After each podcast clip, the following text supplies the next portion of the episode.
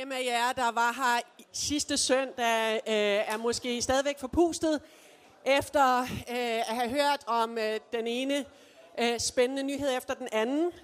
Jeg ved ikke, om du er med mig, Christoffer. Vi hørte blandt andet om de her unge mennesker, som øh, planter kirke i Helsingør. Øh, til januar, den fjerde kirkeplantning. Øh, til sommer, så er der de her bum, som planter kirke i Aalborg.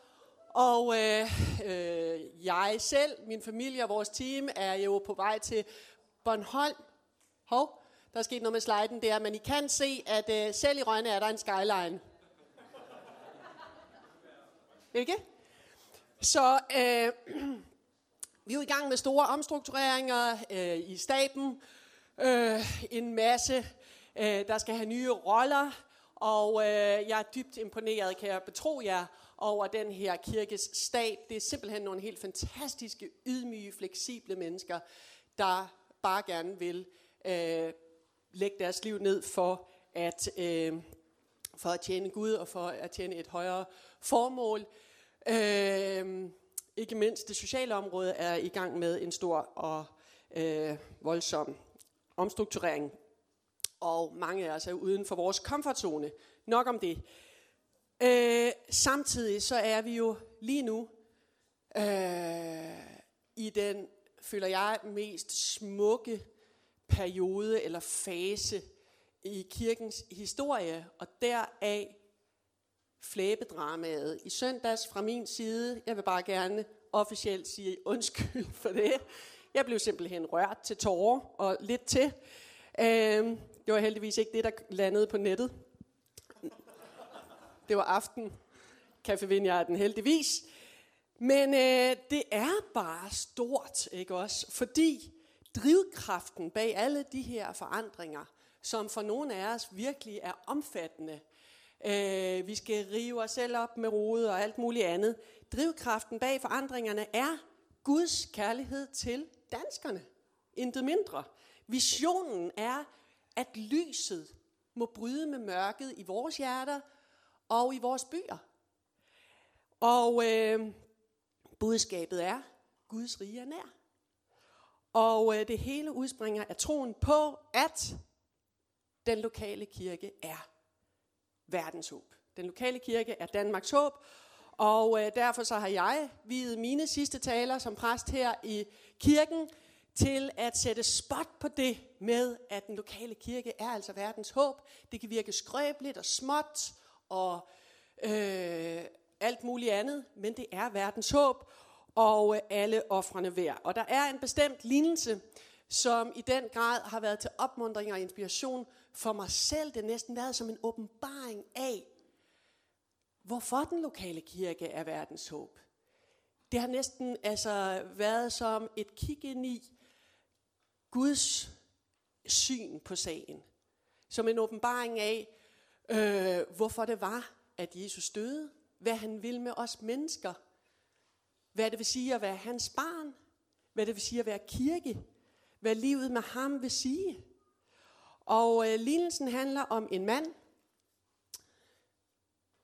der øh, en mand, der inviterer hele sin omgangskreds til en stor fest.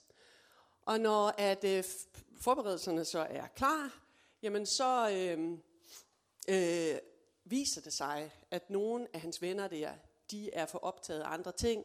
En har købt en mark, nogen er blevet, en er blevet gift, og der er en, der har fået nogle nye okser, og de er simpelthen for optaget af andre ting til at komme.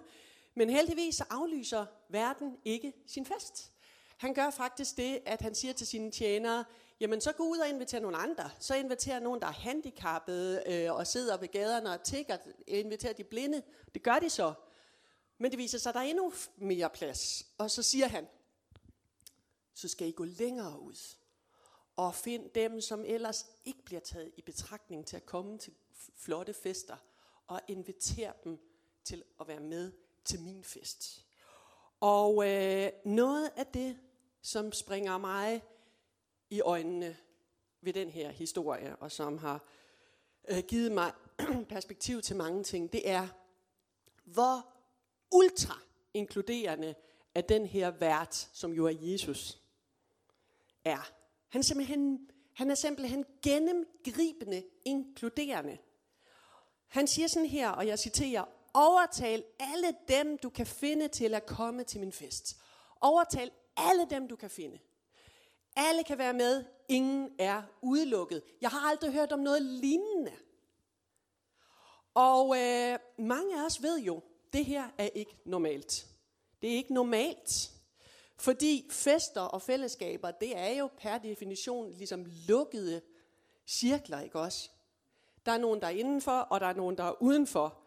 Og man skal ligesom kvalificere sig på en eller anden måde til at komme med til en fest eller med i et fællesskab. Er det ikke rigtigt? Det ved vi da godt. Man skal være med i familien, eller man skal være god til det, de andre er gode til, eller på en eller anden måde kvalificere sig. Det er jo ikke bare sådan, så et fællesskab eller en fest i vores verden bare er åben. Og øh, det kan være, at du har mærket det på den hårde måde i dit liv. Det kan være, at du har været uden for et fællesskab på din arbejdsplads. Og øh, det kan være, at du har mærket på din egen krop, øh, hvad det vil sige at være uden for en af dem, der ikke blev inviteret. Og det har præget dig. Jeg har faktisk fundet ud af, hvis jeg skal være øh, lige kigge tilbage i mit liv. Jeg har faktisk fundet ud af, at det her det er, er et øh, tema i mit liv, som har præget mig. Det der med at være udenfor. Øh, af, af flere årsager. For eksempel den årsag, at jeg er øh, sidst i en søskendeflok på fire, lidt efternøler.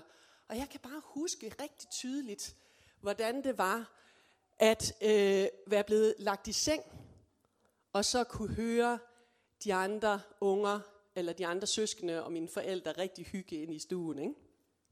Rigtig få digestive kicks og måtte se fjernsyn og sådan noget, ikke? og jeg græd mig i søvn. Ja, det er jo barske løjer. Jeg var også en outsider i skolen. Øh, I en sådan grad faktisk, at til sidst der ringede min øh, klasselærer til min mor og far og sagde, hvis jeg var ja, så havde jeg givet hende en ny chance i en anden skole. Det der, det er altså synd. Og det gjorde de så. Og øh, i bagspejlet, så tænker jeg, no wonder, at jeg var lidt udenfor. Min mor havde valgt, at jeg havde, at jeg, jeg havde sideskilning, og så havde jeg en stram, tynd flætning i den ene side, og en stram, tyk flætning i den anden side. Så var jeg sådan lidt distræ og en drømmer, så øh, ofte vil man kunne se mig med flætningerne sådan lidt savlende i min egen verden og irriteret, hvis nogen kommer og forstyrrer mine tankerækker. Ikke? Men øh, derfor, øh, jeg tror derfor, for jeg ved godt, hvordan det er at være udenfor, at være outsider, så har det altså virkelig altid grebet mig, det her med, at Jesus midt i en verden af lukkede menneskelige cirkler, hvor nogen er udenfor, nogen er indenfor, lige der, der introducerer han en fest, hvor alle, der vil, kan være med. Og det er det, at jeg vil sige lidt om i dag. Den lokale kirke er verdens håb 2.0, fordi alle kan være med. Og nu skal vi læse fra Bibelen. På et tidspunkt kom nogle forældre til Jesus med deres små børn, for at han skulle velsigne dem. Da, da Jesus så det, ville de jage dem bort. Men Jesus kaldte på dem. Lad børnene komme til mig, sagde han. I må ikke hindre dem, for det er sådan nogen som dem, der får adgang til Guds rige. Det siger jeg jer. De, der ikke tager imod Guds rige på samme måde, som et barn tager imod, kommer slet ikke ind i det. En af de jødiske ledere kom til Jesus med et spørgsmål. Mester, du er et godt menneske, sagde han. Kan du fortælle mig, hvad jeg skal gøre for at få del i det kommende liv. Det er Lukas' måde at sige, at Guds rige det er et synonym. Hvorfor kalder du mig god, spurgte Jesus. Det ord kan jo kun bruges om Gud, og med hensyn til det, du spørger om, så kender du budene. Du må ikke bryde ægteskabet, du må ikke begå drab, ikke stjæle, ikke anklage nogen på falsk grundlag, og du skal ære din far og din mor. Alle de bud har jeg overholdt, fra jeg var ganske ung, svarede manden. Da Jesus hørte det svar, sagde han, Du mangler én ting endnu. Sælg alt, hvad du har, og giv pengene til de fattige, så skal du få del i himlens rigdom, og kom så og følg mig. Det blev manden dybt ulykkelig over at høre, for han var meget rig. Da Jesus så hans bedrøvede ansigt, sagde han, hvor er det dog svært for rige folk at komme ind i Guds rige. Ja, det er lettere for en kamel at gå gennem et nåleøje, end det er for en rig at gå ind i Guds rige. De omkringstående var forbløffede. Hvem kan så få det evige liv, udbrød de. Og Jesus svarede, hvad intet menneske kan gøre, det kan Gud. Det er jo en, det er jo en grotesk scene, det her. Altså, forestil dig, Jesus sidder og snakker. Ikke? Han sidder og fortæller. Og så kommer der nogle kølingforældre masende ind med deres unger. Og vil have, at nu skal det være de vigtige. Og nu skal han velsigne dem. Vi kender typen, ikke? Uh, mit barn. Og øh, disciplene synes selvfølgelig ikke, det er passende. Hey, Jesus er ligesom vigtig, ikke også? Og han har noget vigtigt at sige. Og øh, back off med dit lille barn. Men øh, Jesus, han er fuldstændig med på den. Han har ikke noget imod, at de synes, at babyerne skal komme til. Og øh, han sætter det hele til side, afbryder sin talestrøm, og øh, krammer dem og velsigner dem, og så siger han oven i købet, øh, det er sådan nogen som dem, der får adgang til Guds rige. Altså det er jo grotesk i sig selv. Så kommer der en rigtig fin mand. En rigtig vigtig mand. Og øh, der står, at det er en jødisk leder. Han har en masse status. Han har tjek på livet. Og øh, ham er Jesus på ingen måde imponeret over overhovedet. Og det går så vidt, at han må gå dybt ulykkelig hjem igen.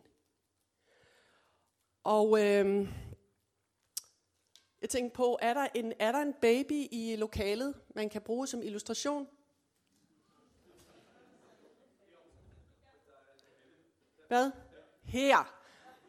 Prøv at se på hende. Du må gerne stille dig op, Jakob, så vi rigtig kan se, hvor sød hun er. Ja, højt op.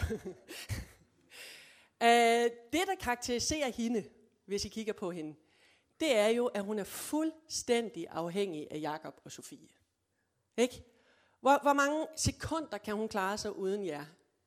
Vil du sådan sige? Ja, okay, mens hun sover, kan hun måske lige holde til det. Men, øh, men hun er utrolig øh, afhængig af jer. Og det, øh, det, noget andet karakteristisk ved hende er vel, at det har hun det helt fint med. Ikke? Hun øh, ved, at det er jer, der kan hjælpe hende. Hun skriger, når det er, hun har brug for jer.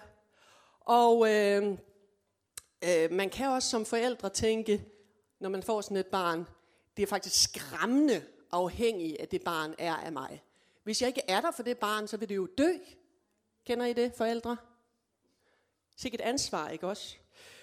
Øh, sådan, en, sådan en som hende, det er jo ikke for at tale ned om hende, det, hun er jo helt fantastisk, men hun er jo hjælpeløs. Og der har hun det helt fint med. Hun er helt hengiven jer, og øh, stoler blind på jeres omsorg og kærlighed. Og hun falder til ro i jeres arme. Det er der, hun hører til, og det ved hun. Og sådan kommer man ind i Guds rige. Det er pointen. Sådan kommer man ind i Guds rige, ved at være sådan, som hun er over for jer. Og øh, Jesus siger et andet sted, velsignet er de, der erkender deres afhængighed af Gud, for de skal fordele i Guds rige. As simple as that. Vi tænker, hvis jeg skal fordele i den her fest, så skal jeg anstrenge mig. For sådan plejer det at være, ikke? Hvis jeg skulle ind i fællesskabet, ind i min klasse som barn, så skulle jeg ligesom prøve at anstrenge mig, ikke? Ligesom fange, hvad det er, der tæller. Øh, og så kan vi tænke, hvis jeg nu prøver at anstrenge mig i forhold til det der med Guds fest, så vil jeg mislykkes, og så vil jeg få dårlig samvittighed, og øh, Det er ligesom, hvad der sker. Og så kan vi få den konklusion, at når det handler om Gud, og det at, og ligesom være i hans rige, og ligesom være i det øh, tæt på ham, og være i det flow, det er for de vellykkede. Det er for dem fra harmoniske familier. Det er for dem, som har spillet deres kort klogt. Det er for dem, der lever provokerende fejlfrit, ligesom ham her, den jødiske leder. Ikke? Men Jesus siger tværtimod. I er helt galt på den. Det er fuldstændig omvendt, kammerater. Det ved at være barnlig. Have en barnlig, naiv tillid til Guds omsorg og kærlighed. Og have det fuldstændig fint med det. Jeg er afhængig af Gud, og det har jeg det helt fint med. Det er i hans arme, at jeg finder ro. Det er sådan, man deltager i Guds fest. N.T. Wright skriver, de små børn er dem, der mest ægte viser os, hvad det betyder at acceptere at blive en del af Guds rige. Der er noget ved børnenes hjælpeløshed og deres fuldstændige tillid til dem, der elsker og tager sig af dem, som perfekt demonstrerer den ydmyge tillid, Jesus hele tiden taler om. Han ser på kernen af, hvad det betyder at modtage Guds rige. Det er som at drikke sin moders mælk. Som at lære at se og at smile ved at se på sin mors øjne og ansigt. At, at deltage i Guds fest. At være der.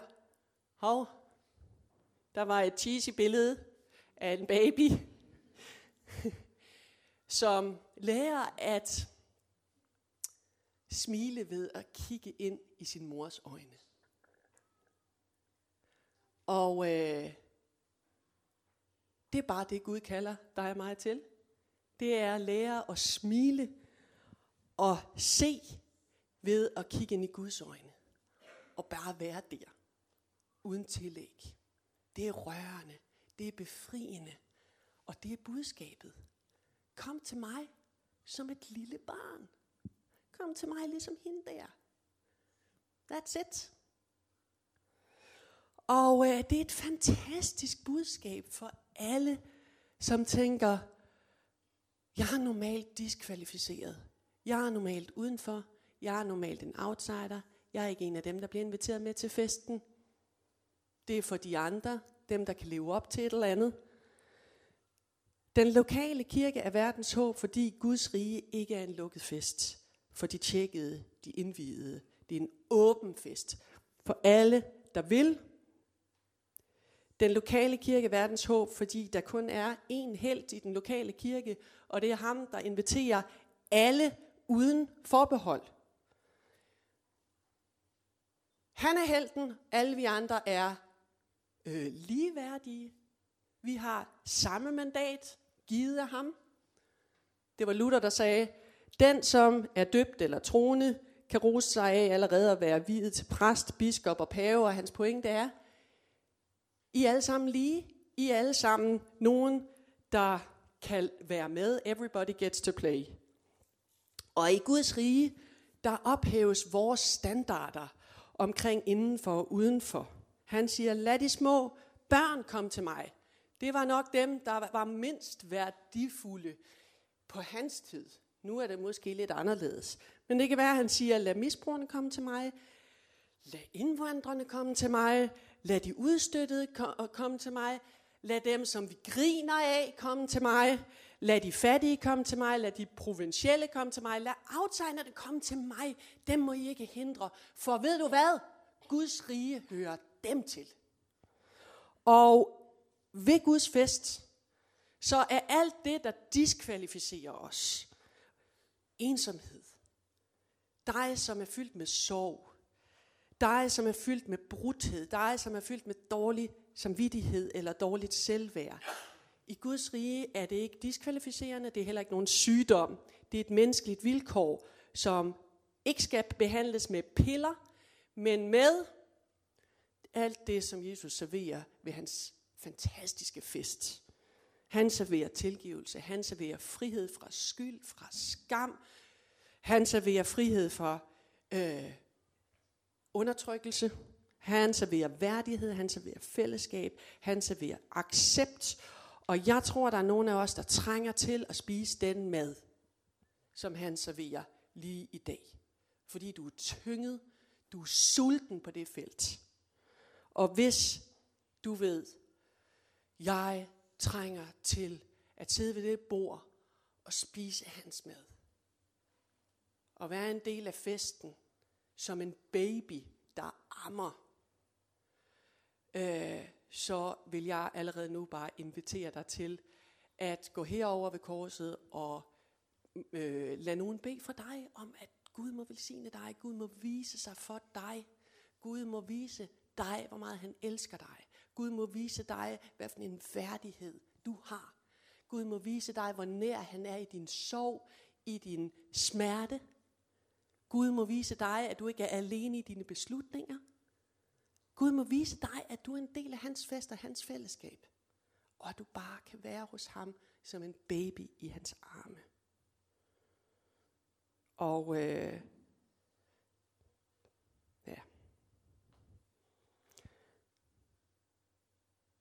Hvis, den, hvis det budskab er til dig, så tag det til dig. Gem det. Tyk på det. Lad det blive en del af dig. Meditere over det. Men jeg har, øh, jeg har to afsnit i den her tale. Fordi, øh, fordi øh, historien her har to hovedpersoner. Der er babyerne, og så er der den rige unge mand. Eller den jødiske leder, eller hvad vi nu vil kalde ham. Og øh, sandheden om Jesus er, at han ikke kun er glad for babyer. Han er også glad for de mennesker, som øh, har en helt anden, øh, som er et helt andet sted i livet, og som ser sig selv helt anderledes. Og øh, manden her, ham vil han også have med. Og det kan være, at du ved, at øh, hånden på hjertet, så er det måske mere ham, du ligner. Og hvis det er sådan, så er der håb for dig også. Fordi Jesus kalder os dig, og Jesus elsker også dig så højt. Manden henvender sig til Jesus, og så siger han jo det her meget fromme. Mester, du er et godt menneske. Kan du fortælle mig, hvad jeg skal gøre for at få i Guds fest? Og det er et fint spørgsmål. I virkeligheden er det vel det eneste alvorlige spørgsmål, et menneske kan stille. Hvordan kommer jeg med til Guds fest? Kan du finde på noget mere alvorligt spørgsmål, vigtigt spørgsmål? Og hvorfor er det så, når han stiller så fint et spørgsmål, at han må gå hjem med uforrettet sag? Hvorfor er han ulykkelig og ensom på vej hjem af? Og vi tænker, hvis ikke den går for ham, hvad så med mig? Er det ikke rigtigt, at vi tænker sådan? Han er så fin. Altså, han har aldrig... Øh, øh, han har altid været sød ved sin mor og far og så videre, og så videre ikke? Det har jeg for eksempel ikke. Øh, og problemet for den dygtige mand her, det er jo, at han i virkeligheden stiller et andet spørgsmål. I virkeligheden, så vi er han uden om det egentlige spørgsmål, kan man sige. Han retter sit spørgsmål til et godt menneske, og så ønsker han et godt menneskes gode råd omkring det her meget, meget vigtige spørgsmål. Det absolut vigtigste spørgsmål, man kan stille. Han, han vil have et godt menneskes gode råd. Kan I se, den er forkert? Den er skæv, den der. Øh, hvorfor kalder du mig god? Det ord kan jo kun bruges som Gud, siger Jesus. Med andre ord. Jeg er ikke noget godt menneske, som du kan have højpandede, filosofiske samtaler omkring, hvordan man kommer ind i Guds rige med. Du er gået helt galt i byen. Du står over for Gud selv her. Og øh, Gud selv skænker dig nådigt i kærlighed adgang til sin fest helt gratis. Det er sådan landet ligger. Du skal sådan set bare gøre som de der babyer, jeg lige har velsignet. Og tag imod. Lad være med at gøre det til mere kompliceret end det.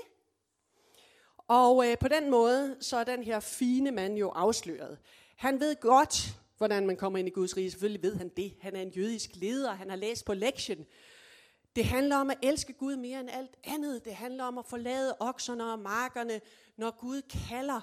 Fordi Gud er det vigtigste, ikke også? Sådan så man kan komme med til Guds fest. Men han vil krybe udenom. Det er jo det, der er balladen. Han vil ikke være en baby, der uforbeholden drikker Guds modermælk ind og lærer at smile ved at se ind i Guds øjne. Han strider imod. Og, øh, og det gør han ved at, ligesom at gøre det simple komplekst. Han vil debattere med Jesus som et godt menneske til et andet godt menneske hen over hovedet på babyerne og pøblen og dem, som ikke ligesom, øh, er lige så meget værd. Ikke også? Men den går ikke hos Jesus. Jesus er slet ikke med på den leg der. I mødet med Jesus som Gud selv, så bliver det bare pinligt tydeligt, at sandheden er, at den her mand slet ikke er interesseret i Jesu enkle svar. Tag imod som et barn. Han vil ikke tage imod Guds rige på samme måde som et lille barn. Han er alt for optaget af sig selv. Han er jo alt for optaget af sine egne problemstillinger. Han er alt for optaget af sin egen rigdom. Han er alt for optaget af sin egen status. Han vil ikke falde til patten. Må man godt sige det? You know what I mean, ikke også? Han vil ikke falde til patten.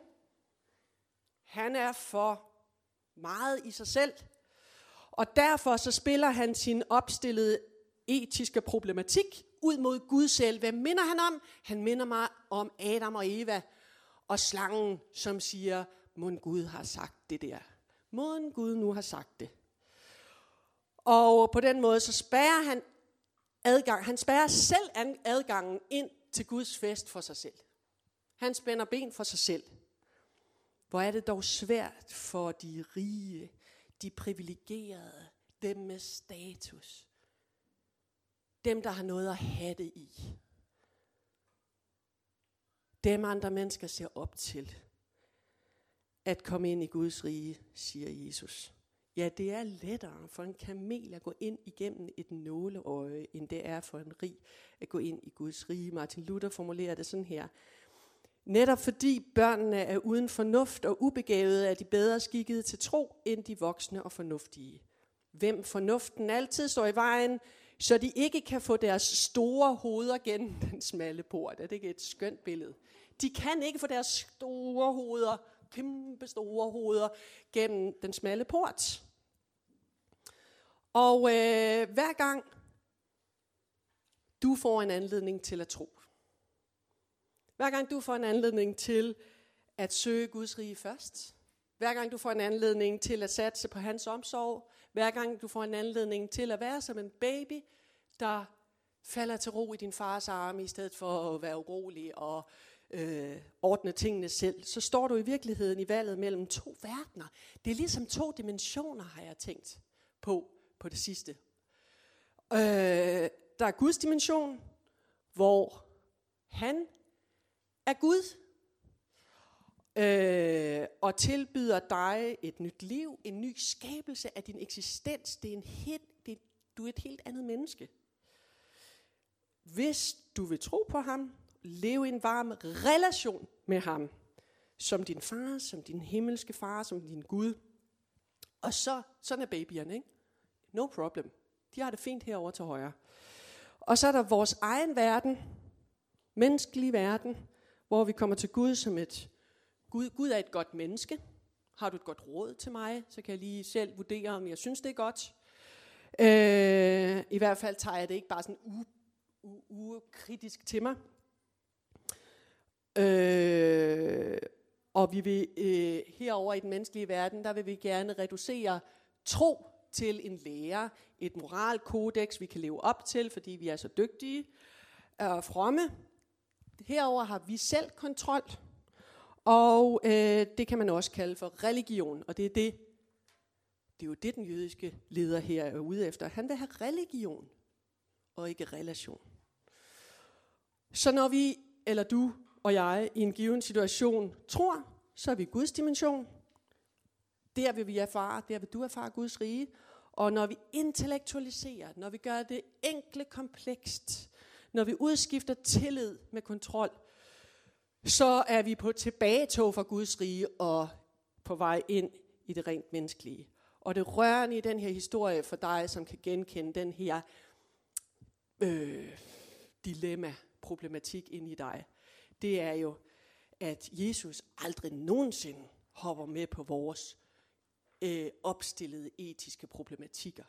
Vores øh, flugtforsøg. Han giver sig altid i kast med os. Han giver sig i kast med manden selv. Han bruger ikke én sætning på at forholde sig til det, han ligesom øh, vil diskutere. Og sådan gør han også med dig og mig. Han kigger på dig. Du er hans projekt. Du og dit hjerte, det er det, han er optaget af. Og øh, Jesus kan kun tage én ting alvorligt.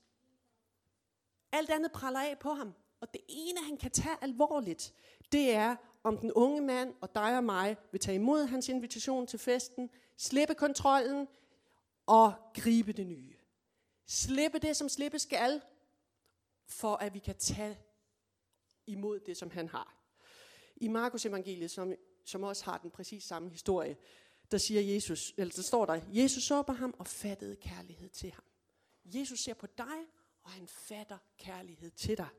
Og fordi han fatter kærlighed til den her rige mand, så øh, og ser, uh, du ser så fin og from ud på ydersiden, men indeni kan jeg jo se, at du raser mod Guds enkle invitation om at være som en baby. Og derfor så siger han, jamen altså, hvis du vil være fuldkommen så selv, det hele, og følg mig, og jeg ved det her, lige det her punkt, det har bekymret rigtig mange. For så tænker man, skal jeg, altså vil det så sige, at det at være rigtig kristen, være rigtig med til festen, det vil sige at være øh, øh, munk eller hvad, ikke? Men øh, det ligger sådan her. Jesus er ligeglad med hans penge. Fløjten er ligeglad med hans penge. Det, der betyder noget for ham, for Jesus, det er i kærlighed at give den her stakkel en anledning til at tro som en baby. Til at slippe kontrollen og sige, øh, jeg lægger mig i dine arme. Du kan få mit liv. Du kan få min fremtid. Han kaster bolden op, så manden får en anledning til at skyde til den og tro. Og det gør han, fordi han så gerne vil have ham med til festen. For Jesus, så er den her mand en, som sidder langt ude, og som skal inviteres ind. Han skal nødes til at komme ind. Please, vil du ikke godt komme med til min fest? Og derfor giver han ham den her anledning ved at sige, så selv er alt. Og, og prøv lige ved det at have tillid til mig og mine gode planer for dig. Øh. Jesus siger med den her udfordring, ven, det handler jo bare om, at jeg inviterer, og du kommer. Svaret på, hvordan man kommer ind i min fest, svaret på, hvordan man kommer ind til min fest, det er mig, siger Jesus. Ikke? Jeg er vejen, sandheden og livet, siger Jesus. Ingen kommer ind til festen uden ved mig. Jeg er svaret. Hvad intet menneske kan gøre, lige meget om du så har opfyldt alle kriterier, det kan Gud, og han gør det helt gratis. Den lokale kirke er verdens håb, fordi den har det her budskab. Alle kan være med. Ingen er diskvalificeret. Jesus har givet os mandatet, og vi kan være som babyer, der ammer det ind. Der lærer at leve til en fest med glæde og fred og mening ved at kigge ind i vores himmelske fars øjne. Og øh, til slut. Mange af jer her øh, ved jo, at øh, Carsten og jeg, vores familie, skal afsted til sommer øh, og plante den her kirke. Og jeg har hørt øh, historien om, hvad Gud gjorde en tilfældig dag i oktober i vores liv. Det var et lyn fra en klar himmel. Øh, vi var til en konference i øh, Sverige, mig og Karsten, og øh, det var en fantastisk konference, og øh, særligt Karsten var virkelig berørt af, hvad, hvad, hvad der blev sagt og sunget og sådan noget. Han gik til forbøn, og øh, stod der med åbent hjerte, åbne hænder, og øh, øh, ligesom lagde sig selv i Guds hænder som en baby lige der. Og øh, da han stod der, så øh, var der en, der kom og profeterede rigtig, rigtig stærkt personligt ind over hans liv og sagde, du skal tilbage til det kald, som du engang for mange år siden fik, og øh, som du har lagt fra dig. Du skal bryde en boks, som du selv og andre mennesker ligesom har sat ind over dig, som har holdt dig fast. Den skal du bryde i Jesu navn. Og da Carsten så sagde ja til det, så var det, at han så et lys over Rønne Torv, som spredte sig ud til kæmpe glæde og opmundring øh, for mange mennesker det sted. Og så sagde forbederen der, lige der, lige i umiddelbar forlængelse, og lad være med at rationalisere det væk. Og det var klogt, fordi øh, det kunne vi godt nok let have haft gjort. Når man er fyldt 40 og har et godt liv, og børn, der trives og bla bla bla, så kan man meget let rationalisere sådan noget her væk. Intellektualisere det væk. Og lade være med at sælge ud af alt, hvad vi, øh, jeg skulle næsten til at sige, har bygget op, eller er blevet velsignet af, er nok det bedre, den bedre formulering. Alle de rigdomme, vi har her i Guds, øh, øh her, her i København. Ikke? For eksempel har jeg tænkt på den her. Kunne man, øh, kunne man sige, øh, at man kunne nøjes med at føle en villighed til sådan et kald? Det, vil det være en farbar smutvej ud?